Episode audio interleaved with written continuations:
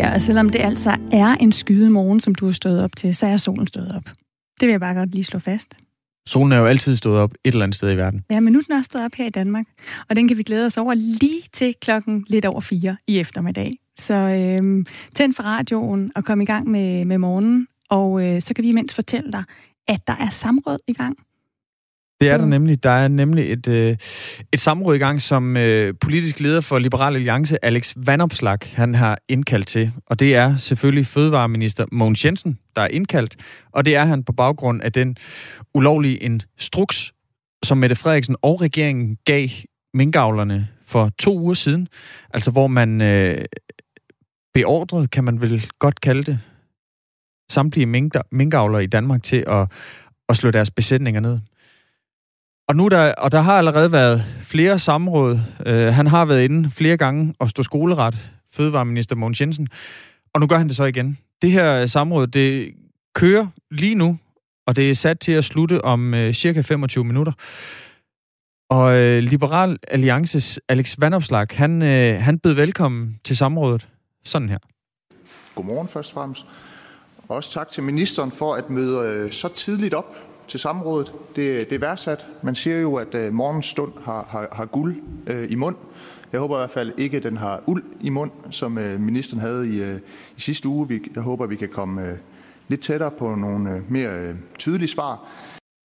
Men det er altså ikke... Øh, Men tydelige svar, det er altså ikke umiddelbart det, som øh, fødevareminister Mogens Jensen har med til, til samrådet. Han, øh, han udskyder at komme ind på de nærmere detaljer i sagen til, til redegørelsen ligger klar. Altså den her redegørelse om forløbet, som altså skal er sat til at komme i, i morgen. Og som I ved, så vil det være sådan, at jeg i morgen fremlægger en øh, samlet øh, redegørelse om øh, forløbet. Og jeg vil derfor ikke i dag komme ind på de nærmere detaljer om regeringsbeslutning om at aflive mink, også uden for de fastsatte risikozoner. Det vil blive lagt frem Øh, i forbindelse med øh, redegørelsen. Mogens Jensen han brugte altså også sit øh, første svar på at sige undskyld for den manglende lovhjemmel. Og så sagde han tak til minkavlen for, at de trods alt lyttede til regeringen og begyndte at aflive deres mink, selvom den, øh, den ordre eller den instruks, man gav, altså ikke var noget, der var hjemmel til i, i lovgivningen. Den undskyldning, den køber formanden for Liberal Alliance, Alex Vanopslag, altså ikke helt. Han sagde sådan her, efter ministeren havde forklaret sagen kort. Når man hører på sådan redegørelsen eller forklaringen om grundlovsbruddet, så, så, så får man indtryk af, at, at alvoren ikke helt er gået op for ministeren. Det er en fejl, det er beklageligt, nu får vi formaliteterne på plads og får fremsat lovforslaget. Altså vi har brudt grundloven. Vi har taget folks private ejendom fra dem. Vi har smadret folks liv. Der er en halv time, lige knap, tilbage af samrådet her med med fødevareminister Mogens Jensen. Og når det slutter, så tjekker vi ind hos vores politiske reporter, Peter Sindbæk. Han øh, følger samrådet, som kører nu, og så står han altså også klar med, øh, med øh, Erling Bonnesen fra, fra Venstre. Og grunden til det her samråd, hvis vi skal spole helt tilbage, det er jo, at der er en coronaepidemi. Det er det, der er grunden til, at øh, de her mink øh, nu skal aflives. Og det er også grunden til, at man i EU i lang tid har prøvet at forhandle en stor hjælpepakke til EU-landene, til Danmark på plads. Vi skal også øh, i den her time lige vende blikket mod øh, EU. Det er rigtig mange penge, det handler om. Det er over 13.000 milliarder kroner, som øh, Danmark altså også kan fordele i. Og det, der er sket lige nu, det er, at der er to lande, der har sat en kæmpe kæp i det her jul for genopretnings, EU's corona-genopretningspakke. Den øh, vender vi tilbage til lige om lidt. Men jeg vil også gerne lige øh, fortælle, at vi skal høre den her sovnepræst lidt senere også. Det er en restriktion, som vi overhovedet ikke kan leve med. Det er nemlig øh, sovnepræst for det tyske mindretal Christa Hansen om regeringsforslag om, at prædikner på andre sprog end dansk skal oversættes til dansk og gøres offentligt tilgængelige. Klokken øh, kvart over otte, der øh, spørger vi kirkeordfører for Socialdemokratiet, Julie Skovsby, hvorfor regeringen brygger på øh, et lovforslag om tvangsoversættelse af sådan en her forkyndelse, og hvad det betyder for det, det tyske mindretal. Lige nu der er klokken 10 minutter over 8. Polen og Ungarn har altså, som vi lige nævnte, sat en kæppe hjulet for EU's store corona-genopretningspakke. EU har forhandlet den her pakke, som skal hjælpe med at genoprette økonomien i alle medlemslandene. Den lyder på svimlende 13.600 milliarder kroner. Men den aftale, den modsætter Polen og Ungarn, så nu Elisabeth Svane, EU-korrespondent for Politikken. Godmorgen. Godmorgen. Altså både Polen og Ungarn, de står ja. til at modtage rigtig mange penge i den her hjælpepakke. Hvorfor stiller de ja. sig på hælene nu? Jamen, både i hjælpepakken og øh, det syvårige budget, det, det er derfor, det bliver så, som det tal, du lige har nævnt, bliver så kæmpe, kæmpe stort. Øh, det gør de, fordi man ved siden af har en såkaldt retsstatsmekanisme. Øh, og det er en, øh, altså altid er mekanismer i EU, øh, men det er en, en lov, der, skal, der betyder, at lande, der bryder de sådan grundlæggende øh, retsprincipper, og det kan være pressefriheden, det kan være domstolens uafhængighed, at de får de kan blive trukket i deres øh, tilskud til EU. Og, og det er noget, man har ønsket i mange år, fordi hidtil har det været rigtig, rigtig svært at straffe den slags overtrædelser. Øhm, og når man melder sig ind i EU som land, så skriver man jo under på, at man vil overholde netop de, de grundlæggende retsprincipper. Så man har langt om længe fået lavet den her, øh, og, øh, og den har man også forhandlet rigtig meget om. Det er jo EU, og er endelig også nået til et, et resultat. Øhm, og den kan Polen og Ungarn sådan set ikke rigtig gøre noget ved, fordi den skal vedtages med kvalificeret flertal.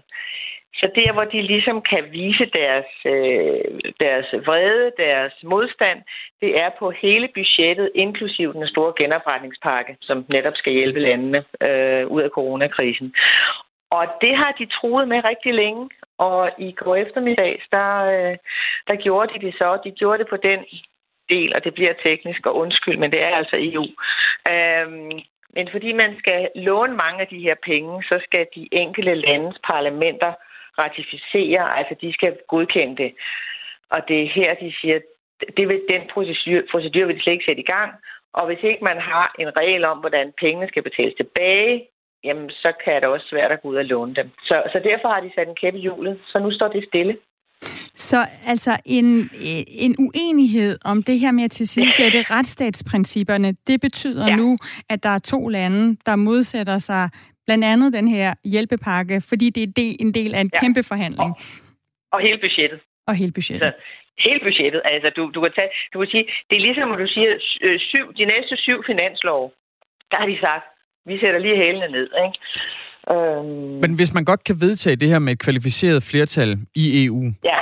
Ja. altså, hvad, hvad skulle EU's interesse være i at trække det her ned over hovedet på Polen og Ungarn? Altså som jo i forvejen bliver mere og mere skeptiske over for det europæiske samarbejde. Altså, hvad er EU's interesse i simpelthen at tvinge det her igennem? Jamen, men det er, jo ikke, det er jo ikke noget, der er lavet... Øh, det er klart, at det vil ramme først og fremmest Polen og Ungarn. Altså, det er jo lavet, men der er flere lande. Altså, der er flere lande i, i, øh, øh i, i det tidligere øst, og der er faktisk øh, 8 af de 10 lande, der kom ind i 2004, som, som alle har fået større eller mindre anmærkninger øh, netop på det her retsstatsområde. Øh, og det er noget, EU står meget fast på. Altså man siger, at vi er en, øh, vi er en forening af, af demokratiske lande, der overholder de demokratiske principper. Øh, det er også derfor, man kan se, når nye lande øh, bliver optaget i EU, øh, for eksempel Tyrkiet, ikke? som jo aldrig er blevet optaget, jo nok Måske heller aldrig bliver det. Men, øh, men, men, men der, er jo, der er jo simpelthen nogle grundprincipper, man skal være enige om. Så, så derfor har man, har man endelig fået lavet det her, som nu øh, faktisk kan, kan straffe det, og kan straffe det økonomisk. Fordi hidtil, der har man skulle gennem en procedure, der er så lang, så det ville altså simpelthen kræve, at ryddet resten af morgenfladen, hvis, hvis vi skulle igennem den. øhm, det, det, går, men, det går nok ikke helt, øh, øh, Elisabeth men, men altså, Johannes øh, Hahn, som er EU's budgetkommissær, han skriver på Twitter, ja. at det her, det handler ikke om ideologier, det handler om at hjælpe vores øh, borgere igennem den værste krise siden 2. verdenskrig. Ja. Hvor, hvor stort et problem er det her for EU og genopretningspakken? Altså, er der ikke en måde, hvor man kan adskille de her to ting på øh, fra hinanden, så man kan få det øh, igennem? Øh, jamen, det, altså, det, er jo, det er jo det, der er ved hele den retsstatsmekanisme. Det er jo, at, at den er bundet til budgettet, og, og det er det, der giver den virkning. Ikke? Mm, øhm, og, og, og, og derfor så men der skal jo findes en løsning, fordi altså, det er jo særligt ved EU. Altså, der, der skal jo findes en løsning, fordi budgettet skal jo skal jo i gang. Genopretningspakken skal i gang. Øhm, så, så, nu, øh, så nu arbejder der jo på højtryk i Bruxelles, og, og hvor den løsning er, fordi lige så hårdt som Polen og Ungarn står på, på ikke at vil have den her mekanisme, lige så hårdt står den anden side jo, og det er jo også Europaparlamentet, øh, på at de vil have den. Og, og en af dem, der har stået rigtig stærkt på det, det er øh, Manfred Weber, som er formand for det store konservative øh, europæiske parti EPP. Og han er sådan set partifælde med Ungarns øh, premierminister Viktor Orbán. Så, så altså... Øh, så, det, så... Det, er, det, det, det, det er næsten som at sammenligne med Brexit. Okay, så, så vi har to parter, der står for hinanden. De har forhandlet i ja. lang tid, og de, ja. nogle af dem skal bøje sig. Hvem tror du bøjer sig først? Men altså, alle i, i EU så jo hele tiden sagt, at det Ungarn, de bluffer bare, fordi de vil nemlig, som I sagde i starten her, de vil gerne have de mange penge, øh, som, som ligger til dem, både i genopretningspakken og i budgettet. Øh, og og det, øh, det, det kan også blive, det kan blive en udgang. Altså, jeg, jeg er svært ved at se, at man skulle fjerne retsstatsmekanismen. Øhm, men, øh, men jeg har så også svært ved at se, og, og jeg vil sige, når jeg taler med, med, med folk i, i Bruxelles, altså, jeg har ikke hørt nogen endnu, som siger, at her er løsningen, det, det er sådan, vi kan skrue den sammen. Øhm, I dag taler Europa og, udenrigsministerne, de har møde i dag, der er ekstraordinært topmøde på torsdag aften, som egentlig skal handle om også corona, men, øhm, men jeg tror, det her kommer op, så, så der skal altså tænkes kreativt nu, og så skal, bliver der lagt maksimalt pres på Polen og Ungarn. Altså, og det har der været et stykke tid, så spørgsmålet er, hvor, hvor, hvor meget mere de kan, men, men, men det er jo det, diplomatiet kan. Altså, mm. øh, de kan jo finde nogle løsninger, og, og politikere kan også finde nogle løsninger, det, øh, når det ser allersværest ud. Men, men altså, situationen er, at EU lige nu står med et Brexit, der ikke er løst, og en, øh, et budget, man ikke kan sætte i gang. Tak for, det er nogen, der en krise. Ja, tak for at oprise den situation og krise øh, for ja. os, Elisabeth Svane, altså øh, øh politikens EU-korrespondent med fra, fra Bruxelles. Hermed. Ja, hermed opmuntret. Der er altså krise i EU med, med Brexit og en øh, genopretningspakke, som, øh, som øh, Polen og Ungarn lige nu øh, stiller sig på hælen overfor. Så er der også øh, lidt, kan man vel godt kalde det, krise i regeringen. Mogens Jensen sidder lige nu i samråd om den instruks, der blev givet for to uger siden til samtlige danske minkavler om at aflive raske mink. En instruks, som der altså ikke var hjemmel i lovgivningen til at stikke, stikke ud. Hjemmel i lovgivningen. Det, det var ulovligt. Vil du forbi flere kriser? Ej, er det ikke nok for nu? Ja, altså, Eller hvad? Altså, jeg tror, vi kan putte en til på banen nu, faktisk. Fordi øh, det er sådan, at den danske regering øh, kan være i færd med at ødelægge en 100 år gammel tradition, som har beskyttet Danmarks tyske øh, mindretal og dets ret til at holde gudstjeneste på tysk. Det er ifølge Kristi Dagblad frygten blandt tyske medier og præster, efter at øh, den socialdemokratiske regering har bebudet, at alle prædikner og forkyndelser i Danmark i udgangspunktet bør oversættes til dansk. Det er en plan, som øh, regeringen har, øh, eller vil fremsætte som et lovforslag til februar i 2021, altså næste år. Julie Skovsby, du er kirkeordfører for Socialdemokratiet, og nu med her på Radio 4 Morgen. Godmorgen. Ja, godmorgen. Hvorfor vil I have tyske prædikner oversat til dansk? Altså i vores øh, lovprogram, som øh, regeringen har fremsat, der har vi øh, lov om prædikener på andre sprog end, end dansk. Og øh, det, der er formålet med vores øh, lovforslag, det er at modvirke parallelsamfund og radikalisering. Og det er fordi, at, øh, at den sproglige barriere, den bliver brugt flere steder. Øh, blandt andet i øh, en, en sag her fra, fra Odense, hvor jeg er, øh, omkring islamiske bryllupper og kontrakter.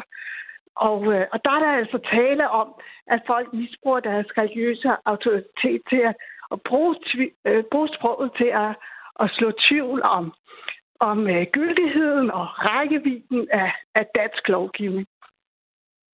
Så den her lovgivning, den handler i virkeligheden om et andet religiøst mindretal, altså de muslimske i Danmark, og slet ikke øh, det, det tyske, men det vil jo altså også øh, ramme det tyske mindretal i Danmark, som jo består af cirka 15.000 borgere. Altså mindretallet kan deltage i gudstjeneste på, på tysk i to typer menigheder. De kan deltage i i øh, frikirkelige menigheder, som drives af tyske mindretal, og hvor gudstjenester i udgangspunktet kun afholdes på tysk, eller i den danske folkekirkes menigheder i Haderslev og Tønder, Åben Rå og Sønderborg, som hører under yeah. staten, og yeah. hvor der jo også øh, skal afholdes øh, gudstjeneste både på, på dansk og, og tysk. Og det I jo så lægger op til, det er, at de her trosamfund, også de tyske, de skal selv betale for omkostningerne og, og, og de her oversættelser yeah. af de prædikener, det medfører. Lad mig, lad mig lige fortælle, du siger, øh, denne lovgivning. Altså, det er sådan, at øh, at det er et lovforslag, som er under udarbejdelse. Mm. Øh, så, øh, og, og vi har øh, i, fra regeringens side, der har vi øh, fremsat vores lovprogram. Det er altså det, som vi ønsker at, at arbejde med, og hvis man kigger i, i øh, lovprogrammet, så står der februar 2, og det betyder, at, at det her øh, det er lige nu, der er, der er det altså under udarbejdelse. Og, øh, og vi ser, at der er Altså, der er et problem. Øh, der er store problemer med minoriteter, der på grund af, af, af sprogbarriere simpelthen øh, bliver i, øh, i tvivl om, om, hvad der er gældende dansk lov, som for eksempel det eksempel, jeg nævner her fra Odense. Ja, men det er jo ikke et problem, der er i det tyske mindretal. Ja, og det er også derfor, at vi sidder jo lige nu og, og arbejder med det her øh, lovforslag, som der skal fremsættes og sendes i høring og så videre til februar. Og, øh, og derfor, øh, øh, ja, altså så vil jeg sige, at, at de ting, som, som, vi, som vi har oplevet øh, øh, i, øh, i nogle minoriteter, ja, det har jeg bestemt ikke øh, indtryk af, at, at det sker øh, øh, ved det tyske mindretal. Julie Skovspil, lad os lige høre, måde, der... øh, skal vi lige ja. høre fra en, øh, fra en sovnepræst fra det tyske, øh, de, de, de tyske dele af menighederne. Øh, det er Christa Hansen, som er sovnepræst øh, i Haderslev Domsovn og, og Gammel Haderslev Sovn, og hun føler sig mistænkeliggjort af lovforslaget og frygter, at det kommer til at underminere det tyske mindretal. Prøv lige at høre. Det er en restriktion, som vi overhovedet ikke kan leve med. Umiddelbart ville det jo betyde en øh, betragtelig mere belastning, når vi skal til at oversætte alle prædikener. Fordi vi holder tyske gudstjenester, vi holder tyske kirkelige handlinger, vi holder tyske øh, konfirmationer, øh, bisættelser, øh, hvilelser. Og når vi skal til at oversætte alt det, det bliver en virkelig stor byrde, der lægges på vores skuldre. Og jeg forstår det jo sådan, at øh, det skal være tilgængeligt på dansk, hvad vi har sagt. Men hvem sidder så med en rød pind og siger, det må det ikke sige sidste søndag. Det er åbne og offentlige gudstjenester, jeg holder, så enhver må komme til enhver tid. Men øh, her i landsdelen, der er vi nu engang indrettet på, at vi har et tysk mindretal og en dansk flertalsbefolkning. Og vi har jo altså gjort meget for at fejre genforeningen eller grænsedragningsjubilæet her 100 år i år. Og så synes jeg, at det er lidt besynderligt i året efter, at der så skal komme en lovgivning, der gør op med alle de rettigheder, som er blevet til i løbet af de 100 år. Det sender da et signal om, at det, uh, der er mistro til, hvad vi går og laver.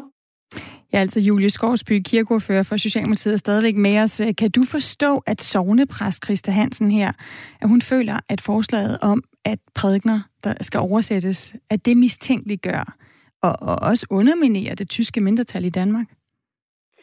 Jamen, jeg tror, det er rigtig vigtigt, øh, at, øh, at det bliver sagt, at lovforslaget er under udarbejdelse. Øh, vi har i lovprogrammet sagt, at det er det her, vi gerne vil, og nu sidder vi altså lige nu og arbejder med det.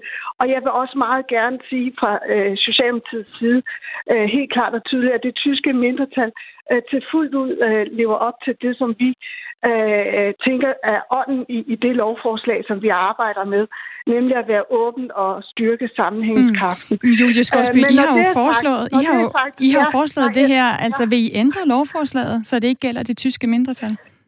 Altså, vi sidder lige nu og arbejder med det, og, og det, der også er vigtigt for mig at sige, øh, det er, at vi ønsker også at lave en ensartet og lige lovgivning. Men den præcise ordlyd øh, kan vi nu ikke sige.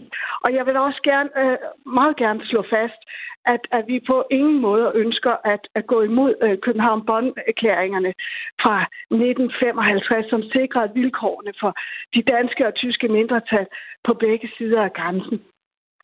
Så, så I vil altså øh, tvinge de her øh, menigheder og kirker og måske også altså til at oversætte til dansk?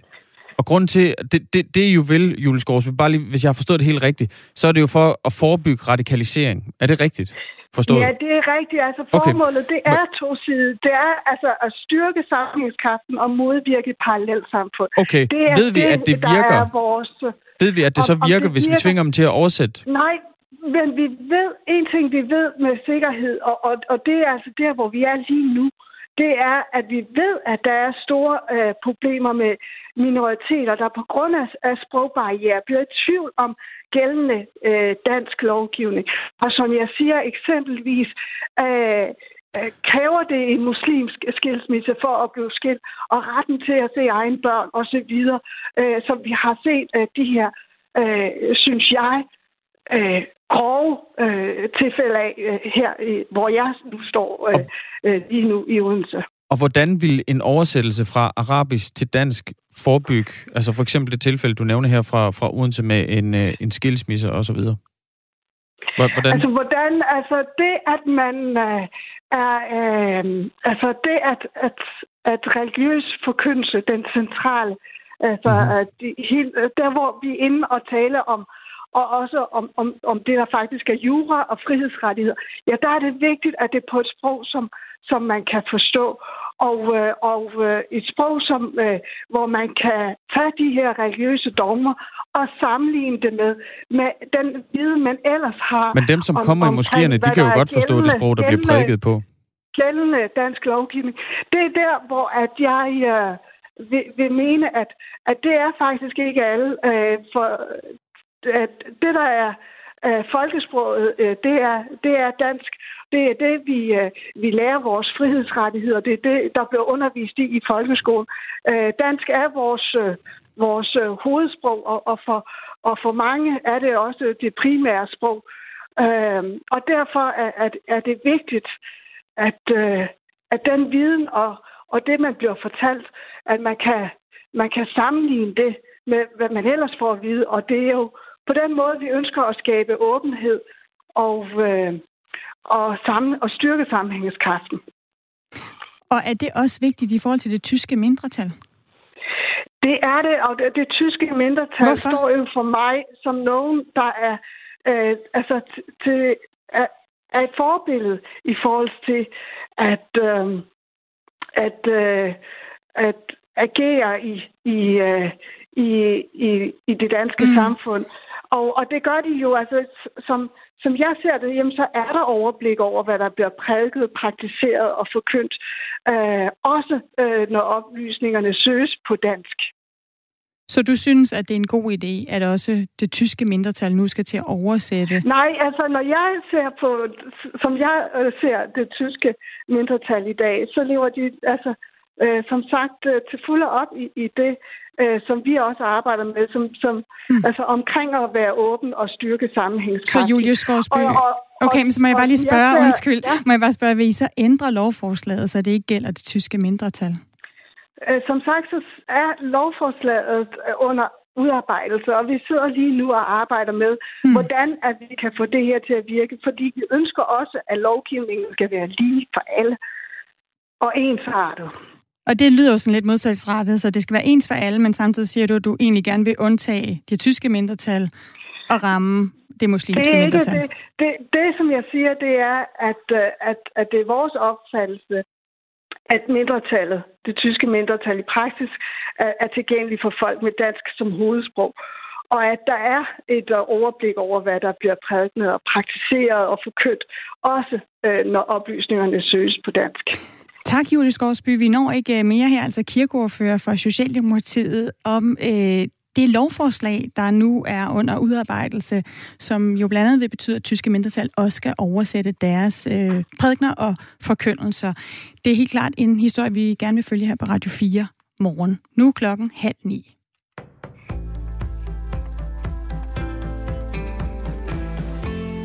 Fødevareminister Mogens Jensen afviser på et samråd her til morgen i detaljer og fortæller, hvad der skete, da regeringen uden lovhjemmel krævede alle mink i Danmark slået ned.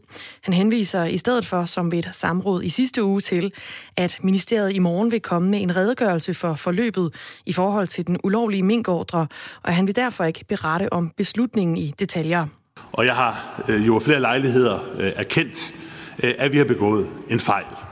Der er ikke lovhjemmel til at kræve aflivning af mink inden for 7,8 km zonerne, øh, undskyld, uden for 7,8 øh, km zonerne på nuværende tidspunkt. Og det skal der jo være i vores lovgivning, før vi kan kræve øh, aflivning.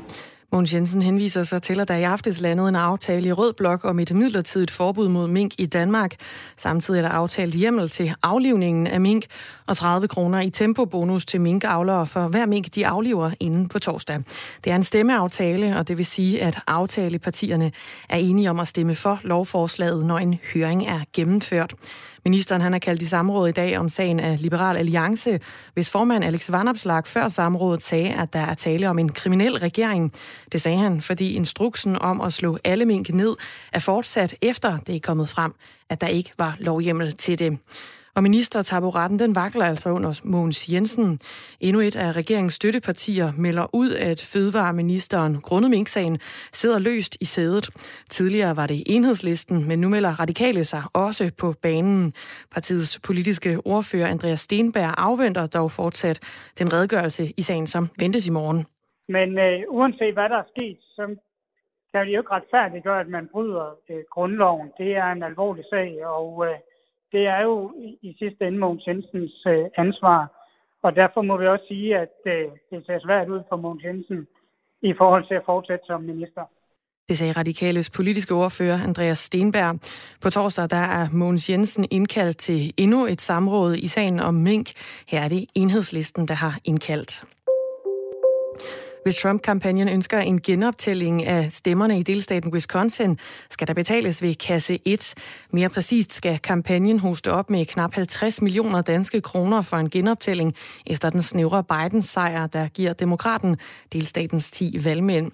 Biden har ifølge Edison Research vundet i delstaten med 0,7 procent point, eller omkring 20.000 stemmer med 99 procent af stemmerne optalt. Delstatens lovgivning giver Trump mulighed for en genoptælling optælling, da sejren var på mindre end 1,0 procent point. Men da den samtidig var større end 0,25 procent point, så skal Trump-kampagnen på forhånd betale omkostningerne. Fra onsdag i næste uge, der bliver der midlertidigt lukket for omkring 40 procent af terminalområdet i Københavns Lufthavn. Det sker for at tilpasse omkostningerne til den mindre trafik, som coronakrisen er skyld i. Nedlukningen skal spare på for eksempel strøm, rengøring, vedligehold og patruljering. Det oplyser Lufthavnen i en pressemeddelelse. Nedlukningen af de i alt 24 gates vil vare året ud, og også hele 2021. Der vil dog være mulighed for at kunne genåbne i løbet af to måneder, hvis antallet af passagerer stiger så meget, at behovet for mere plads skulle melde sig. Det bliver en skydedag, og efterhånden så kommer der dis, regn eller finregn fra sydvest. Vinden tiltager og bliver jævn til hård omkring syd, og senere så kommer der ved kysterne stedvis kuling. Temperaturerne de lander mellem 10 og 12 graders varme. Og du lytter til Radio 4. Mit navn er Dagmar Eben Østergaard.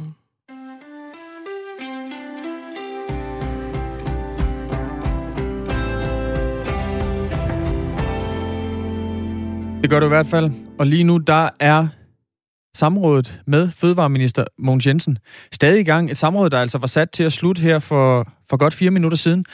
Det trækker ud. Mon- Han skal også i samråd på torsdag. Og indimellem de to samråd, der får vi den redegørelse, som vi faktisk altid Ja, altså skal vi, skal vi lige tage den. I ja. dag, der har Alex Vanopslag, politisk leder for Liberal Alliance, han har kaldt Mogens Jensen i samråd om den instruks, der blev sendt ud for to uger siden til samtlige danske minkavlere om at aflive deres besætninger. Det var der ikke hjemmelig lovgivning til at gøre. Så derfor så har Alex Vandopslag kaldt Mogens Jensen i samråd. I morgen, der kommer Mogens Jensen med en redegørelse for forløbet. Hvornår fandt de ud af, at den her instruks var i strid med lovgivningen? Hvordan fandt de ud af, at det var i strid med lovgivningen? De spørgsmål, de vil forhåbentlig blive besvaret i den redegørelse, der kommer fra Fødevareministeren i morgen. Torsdag, der er det så støttepartierne, der har kaldt Mogens Jensen i samråd. Det er, så vidt jeg husker, enhedslisten, der, øh, der har kaldt øh, Fødevareministeren i samråd.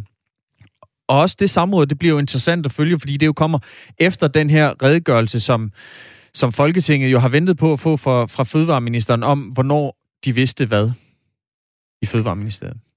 Vi kan godt love den sidste halve time i dag her på Radio 4 Morgen. Den kommer fortsat til at handle om mink. Der er både det her samråd, som vi skal høre om, og vi prøver også at få fat på en minkavler, som har aflevet alle sine mink, øh, for at få en reaktion på, hvordan, hvad det er for en situation, han står i, øh, når man jo, altså der er jo mange, der netop fik sørget for at aflive alle deres mink inden den her frist, der først lød den 16. november, og så blev rykket til den 19. november, for at kunne få de her tempobonusser.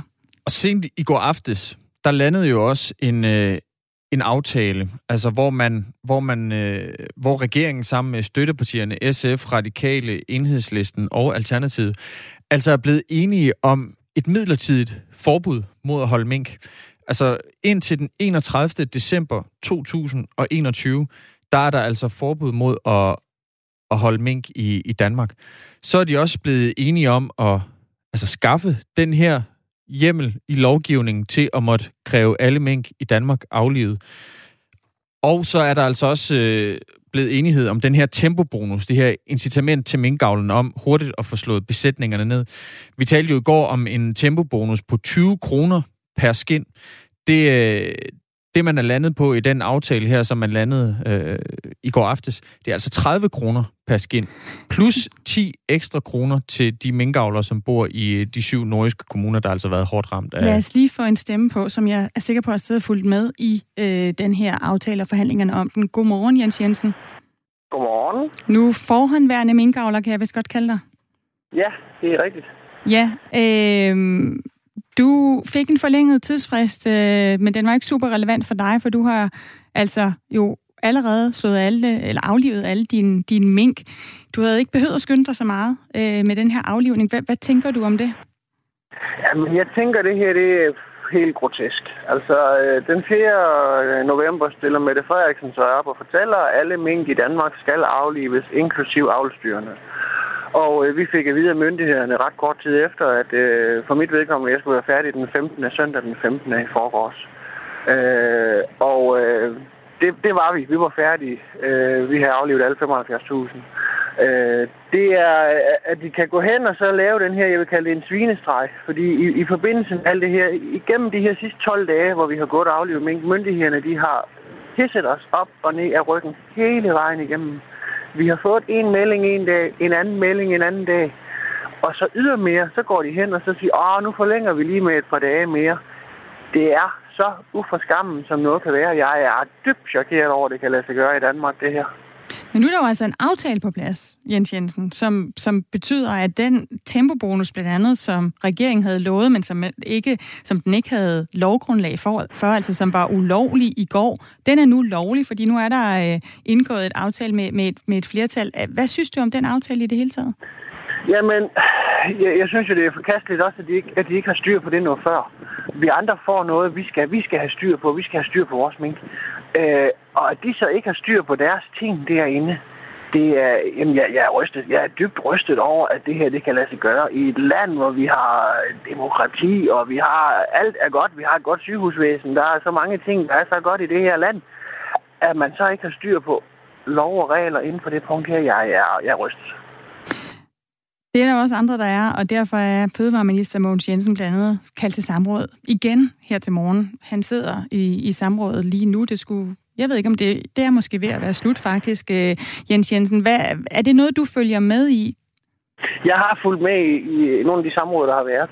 Og øh, altså, ja, jeg ved ikke, hvad jeg skal sige. Det, det, det sådan samråd går ud på, det er jo, at politikerne, Mogens Jensen, han sidder jo og når der bliver stillet et spørgsmål, jamen så takker han og bukker han for spørgsmålet, og jeg er glad for, at du stiller spørgsmålet.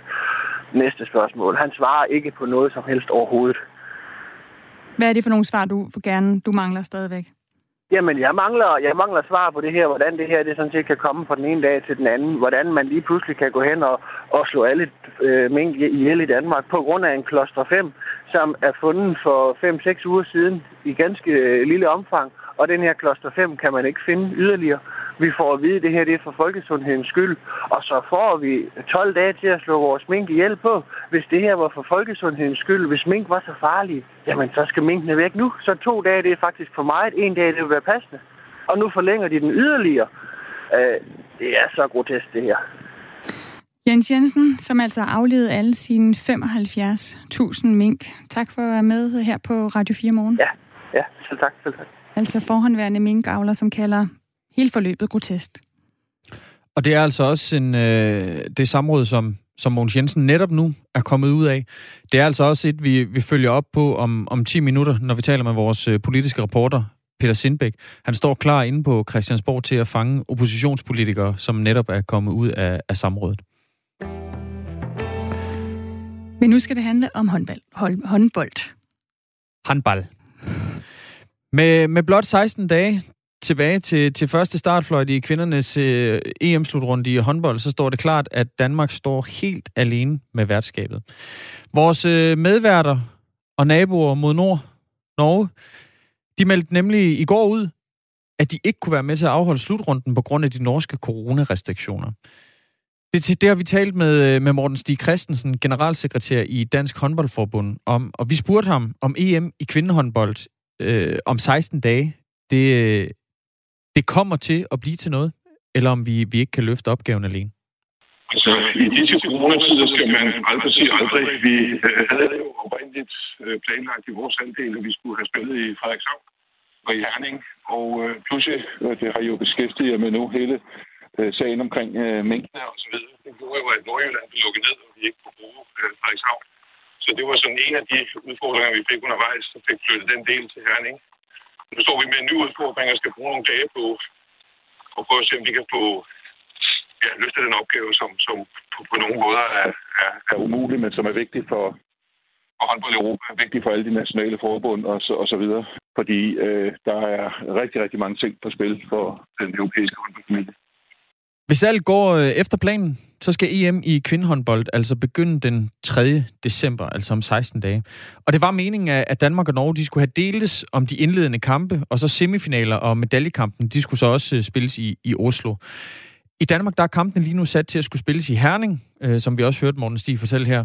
Og lige nu der er man så i gang med at finde ud af, hvordan man kan rykke den her slutrund til, til Danmark.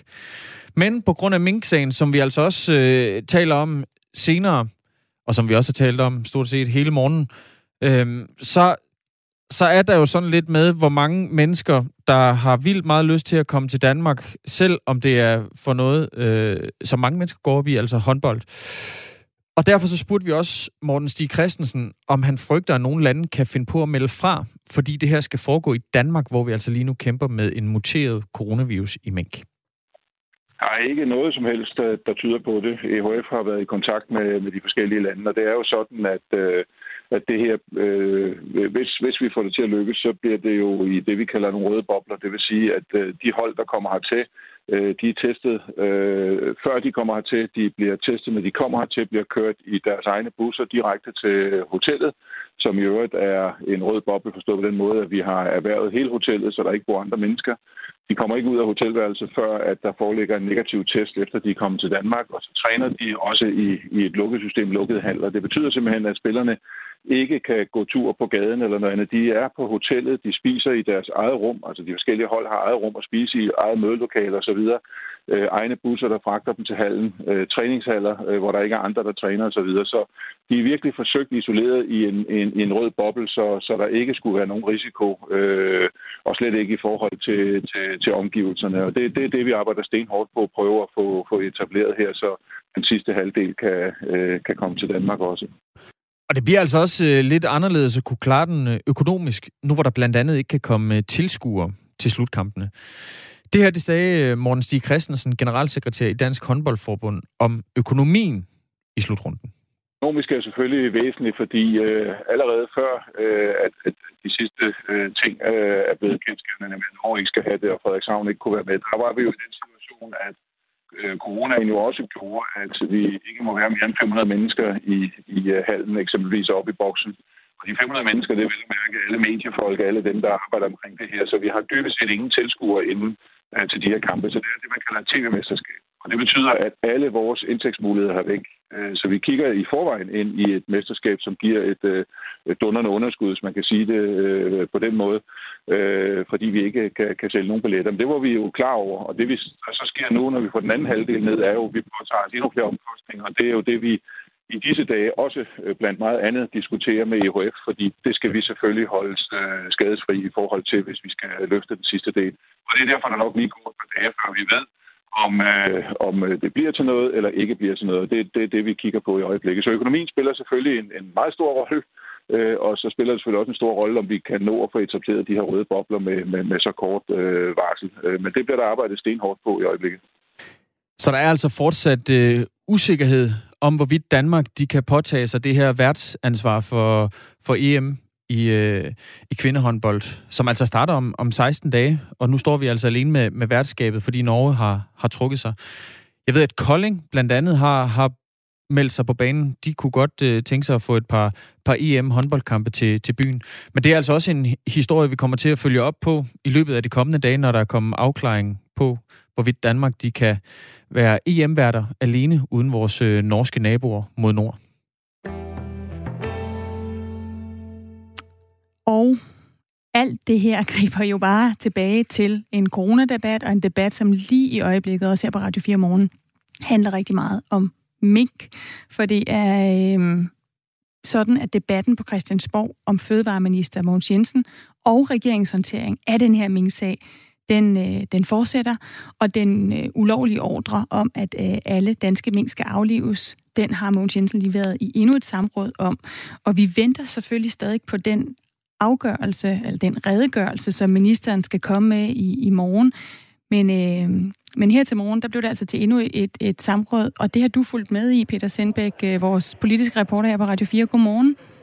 Godmorgen. Øh, lige netop som du siger, det har jeg nemlig siddet og fulgt med i, og lige nu så står jeg også ude foran landstingssalen øh, på Christiansborg, hvor jeg også har fået selskab af Venstres øh, fødevareordfører Erling øh, Bonnesen, og vi kan måske starte med lige at, at tage fat i ham. Han er en af de personer, som har siddet i forreste række i, i flere af de her samråd, og, og, og Erling, det her samråd, man havde måske forventet, at, øh, at ministeren ville øh, referere til den her redegørelse, som vi jo alle sammen ved kommer i morgen. Var der egentlig noget, han kunne have sagt på det her, på det her øh, samråd, som, øh, som havde gjort, at du tænkte, nå okay, så er han akron? Ja, ministeren burde jo svare på, hvorfor stoppede ministeren ikke den ulovlige handling, der var sat i gang. Det står jo i politikernes øh, grønspættebog, kan man næsten sige, paragraf 1, at øh, der står også over døren ind til Folketinget, at med lov skal land bygges. Det vil sige, der skal være et lovgrundlag, øh, når det er, der udstedes ordre. Og når det så er, man bliver gjort bekendt med, jamen der er ikke lovgrundlag for det, man har gang i, så er der jo et at gøre straks som det samme. Det er jo at få stoppet de ulovlige handlinger, der er. Det er jo det gyldne spørgsmål, der skal besvares øh, nu. I stedet for, så går man jo i gang med at ringe rundt og prøve at skaffe lovgrundlag og så videre. Nej, man skal jo stoppe øh, ulovlighederne med det samme. Det er sådan set det, at der skal besvares. Det kravlede ministeren så i dag udenom øh, i flere runder. I dag var der så afsat nu en time til øh, samrådet, og så øh, må vi jo sige, der gik tiden jo så øh, med at snakke om de forskellige ting, kan man sige. Så det blev jo sådan en opvarmning til, at øh, nu kommer redegørelsen så i morgen, hvor regeringen og ministeren så selv skal aflevere deres egen redegørelse, deres egen version af det. Så nu kan man i hvert fald sige, at øh, Folketinget er jo nu for alvor trådt i karakter, og nu får man så stillet øh, de skarpe øh, spørgsmål og nu, så det var sådan set startskuddet på det nu i dag på det her møde, og så må ministeren og regeringen så komme med sin redegørelse i morgen, og så går processen videre, og så bliver det jo spændende. Hvad vil de røde partier altså øh, regeringens øh, parlamentariske grundlag. Hvad vil de gøre ved det her? De var bemærkelsesværdige tavse i dag, og sagde jo øh, meget, meget, meget, meget lidt, kan man sige. Ja, og i virkeligheden også øh, fraværende. Det er jo næsten kun øh, radikale venstre, der har været, været til stede i dag af støttepartierne. Men nu på pressemødet, eller på øh, samrådet her, der siger øh, fødevareministeren jo også, at han i forsøget her efter weekenden tager kontakt til partierne på Christiansborg, men også forsøger at korrigere den misforståelse, som han selv kalder det, der har været i den her ordre eller besked, der er kommet kommet med, at man skal nedlægge øh, sine besætninger. Føler du ikke, at det er tilfredsstillende nok svar? Øh, han, han, han, han redegør jo sådan set for, at man har forsøgt at korrigere kursen, eller hvad? Ja, nej, nej, nej. Så hør nu her. Der står over døren ind til Folketinget, at med lov skal land bygges. Ikke? Når man så bliver bekendt med, at der foregår ulovligheder, så er det først at foretage. Det er selvfølgelig at stoppe ulovlighederne straks som med det samme. Øh, og det er der, kæden den ryger af. Og det er det, vi alle sammen også fra blå lejre bor ned i nu jo. Det kunne du også høre, at det spørger vi jo sådan set alle sammen en til på forskellige måder. Men det er det, ministeren kravler udenom, og det skal ministeren jo da øh, besvare i morgen i sin skriftlige redegørelse. Hvorfor gik det til øh, på den måde der? En af de ting, som øh, ministeren også siger, det er, at da han bliver bekendt med, at der er øh, mangel på lovhjemmel, eller at det her det er en ulovlig ordre, så går man straks i gang med at sikre sig, at der er øh, hjemmel. Det kan man sige, er det den rigtige måde at gribe tingene an på, at man lige snart man ser, at man ikke har hjemmel, at man så begynder at finde hjemmel? Er det den måde at gribe det an på? Nej, altså først så skal man jo stoppe ulovlighederne. Altså det siger næsten sig selv, at øh, vi lever i et demokrati, vi lever ikke i en bananrepublik. Altså der skal være et lovgrundlag, når det er, at der bliver udstedt ordre, og der ikke ligger et lovgrundlag for en ordre, så skal det stoppes som med det samme. Det er kritisabelt, og det skal vi jo finde helt til bunds øh, i. Og derfor fik vi så give startskuddet i dag, og så fortsætter vi så på det nu i den proces, som kommer. Og det spændende, det er jo om øh, regeringens eget parlamentariske grundlag, om alle de partier så vil stå på mål øh, for det, som foregår nu. Det finder vi jo også ud af løbet af de næste dage og timer. Erling Bonnesen, fødevareordfører for Venstre. Tak fordi jeg måtte, måtte låne dig. Og som vi kan se her, så, øh, så er det altså et spil, der, der fortsætter relativt ihærdigt uh, herinde på Christiansborg, men, men som det også bliver bemærket her, uh, så er det altså kun uh, Radikale Venstres uh, ordfører Christian Hegård, der er mødt op i dag. Uh, og når man, når jeg har talt med ordfører fra uh, de andre støttepartier, så har de altså følt, at uh, det var bedst at prioritere det samråd, der er indkaldt på torsdag, nemlig efter at redegørelsen falder i morgen. Så man skal holde tungen lige i munden. Det skal man, Peter Sindbæk, øh, og tak fordi du også øh, prøver at gøre det. Vi har fået et spørgsmål fra, fra øh, Nils, vores, en af vores lyttere, som spørger, jeg tænker på, hvordan man kan lave noget, der er grundlovsstridigt lovligt. Altså det er jo noget af det, du, du er lidt inde på i interviewet her. Kan du, øh, kan du give et, et svar på det, Peter Sindbæk? Der er noget, der har været grundlovsstridigt, som man nu har fundet et flertal for at gøre lovligt, eller hvordan? Igen skal man jo også lige øh, tage, række, øh, tage tingene i den rigtige rækkefølge, fordi det kan godt være, at man nu har fundet øh, politisk et flertal for en, at give den her lovhjemmel. Øh, det går jo ikke ind dermed og øh, er blevet, det er jo for det første ikke blevet vedtaget endnu. Det er jo et, øh, lov, et, et lovforslag, der nu er flertal for. Så bare fordi man taler om den her lovhjemmel, så er det jo ikke øh, ensbetydende med, at regeringen øh, fra i dag har lovhjemmel til at, øh, eller har lovlig ret til at gå ud og kræve det her. Men det er et, et retroaktivt spil, der nu går i gang. Altså, ministeren sagde på, øh, på samrådet lige nu her, at man jo øh, ikke har gået ud og krævet det, at det var mere end det skulle forstås som en opfordring, og at han i, øh, i øh, timerne og dagene efter, at han bliver bekendt med, at der ikke er øh, lovhjemmel, forsøger at få korrigeret eller tage en dialog med styrelsen, øh, Fødevarestyrelsen, om at man har givet de rigtige oplysninger til, til minkavlerne. Samtidig siger øh, ministeren jo så, at man står på mål for, at man kunne skaffe det her flertal, og at man jo allerede på forhånd havde en idé om, at, øh, at øh, støttepartierne ville bakke op om et, et, et eventuelt indgreb på baggrund af en bekymring for folkesundheden. Så ja, det er jo også et, et mærkeligt juridisk spil, det her om, hvordan kan man kræve noget og samtidig ikke have hjemmel for det, eller var det en opfordring? Det er jo også det, som ministeren bliver ved med at henvise til den her redegørelse, der, der kommer i morgen. Så øh, der er stadig rigtig mange spørgsmål, som forblev ubesvaret, også med det her andet samråd i, øh, i rækken. Kom der noget frem, som vi ikke vidste i forvejen? Vi blev lidt klogere på, øh, hvad kan man sige, øh, uaffordret i virkeligheden fra ministeren, hvordan han har haft en dialog med øh, Fødevarestyrelsen om øh, ordbruget. Altså, at øh, det fremgik jo 31 gange af den her skrivelse til minkavlerne, at man skal øh, nedlægge besætningerne. Og det er jo så noget, der bliver diskuteret lige nu, hvorvidt det var en opfordring eller et decideret krav. Og det kunne i hvert fald ikke være et krav eller en ordre, fordi der var ikke hjemmel til, at det skulle være en ordre, men det var i hvert fald noget, som mink havler landet over, øh, tog ret bogstaveligt, og det er også derfor, vi står i en situation i dag, hvor en meget stor del af, af de danske mink allerede er øh, ved at blive aflivet eller meget tæt på. Peter Sindbæk, nu nævner du også, at man ikke øh, retroaktivt kan gøre de, den her opfordring lovlig. Altså, man kan ikke med tilbagevirkende kraft lige pludselig sige, at øh, jamen, altså, hvis vi vedtager en lov nu, eller en lov, som skal til afstemning i, i Folketinget i, i, den, i de kommende dage og, og uger, så betyder det altså ikke, at den handling i den tid, hvor den lov ikke var gældende, altså er lovlig. Hvad kan det her få af konsekvenser? for regeringen? Altså, jeg er med på, at lige nu er det til debat om, hvorvidt fødevareminister Mogens Jensen han kan, han kan blive i Fødevareministeriet eller ej. Men hvad ellers? Kan det få andre konsekvenser? Det kan jo, øh, det bliver jo øh, beskrevet øh, fra flere sider som en, en potentiel bombe øh, under, under regeringen, det her, afhængig af, hvad man har vidst, hvornår. Og det er også derfor, at alle her på Christiansborg holder vejret, eller nu kan man høre, at mange af de borgerlige ikke ligefrem holder vejret, de vil meget gerne tale, tale højt om det, her, bruge masser af luft på at snakke om, at det er, øh, hvordan de ser på den her sag. Men hvis man nu i en redegørelse finder ud af, at regeringen allerede inden pressemødet den 4., altså ved det her koordinationsudvalgsmøde, som blev holdt den 3. november, hvor beslutningen blev truffet, om, at man skulle komme med den her opfordring eller øh, ordre om, at øh, man skulle nedlægge minkbesætningerne over hele landet. Hvis man allerede der var blevet bekendt med, at lovhjælpen ikke var på plads, eller at man på en eller anden måde er blevet orienteret fra Fødevarestyrelsen eller relevante øh, myndigheder, eller fra embedsværket i Fødevareministeriet, Justitsministeriet, eller endda sågar fra Statsministeriet, så, øh, så kan det blive potentielt rigtig farligt øh, for regeringen, fordi hvorfor agerer man så øh, på øh, øh, mod bedre vidne? Hvorfor øh, beordrer man eller opfordrer meget kraftigt til, at man gør noget, som man jo åbenbart har været bevidst om, at man ikke har hjemmel til. Og det er jo det helt store spørgsmål, som alle forventer, at fødevares, øh, fødevareministeren på en eller anden måde besvarer, enten i redegørelsen i morgen, eller ved, det, øh, ved den hasteforspørgsel, der er umiddelbart efter, eller ved, øh, ved øh, de to samråd, som øh, ligger øh, torsdag eftermiddag. Ja, for det svar fik vi jo ikke klart fra, fra Mogens Jensen i, på morgens samråd. Vi har lige øh, klippet en bid ud fra, fra det her øh, samråd, Peter Sindbæk, hvor, hvor Mogens Jensen svarer Venstres Annie Mathisen, som kommer til at sige, at uh, fødevareministeren vidste søndag morgen. Og jeg har ikke sagt øh, øh, præcis tidspunkt, når jeg blev bekendtgjort med det her. Det var, jeg fastholdt, det var i løbet af weekenden. Det mere præcise tidspunkt kan jeg angive i, i, i, i, øh, i, øh, i morgen. Det kan altså angive i morgen. Det virker underligt, at Mogens Jensen ikke bare fortæller, hvornår han personligt fik at vide, hvorfor, øh, altså om at det her kunne være ulovligt. Hvorfor vil han ikke fortælle, om det var søndag, eller lørdag, eller søndag eftermiddag?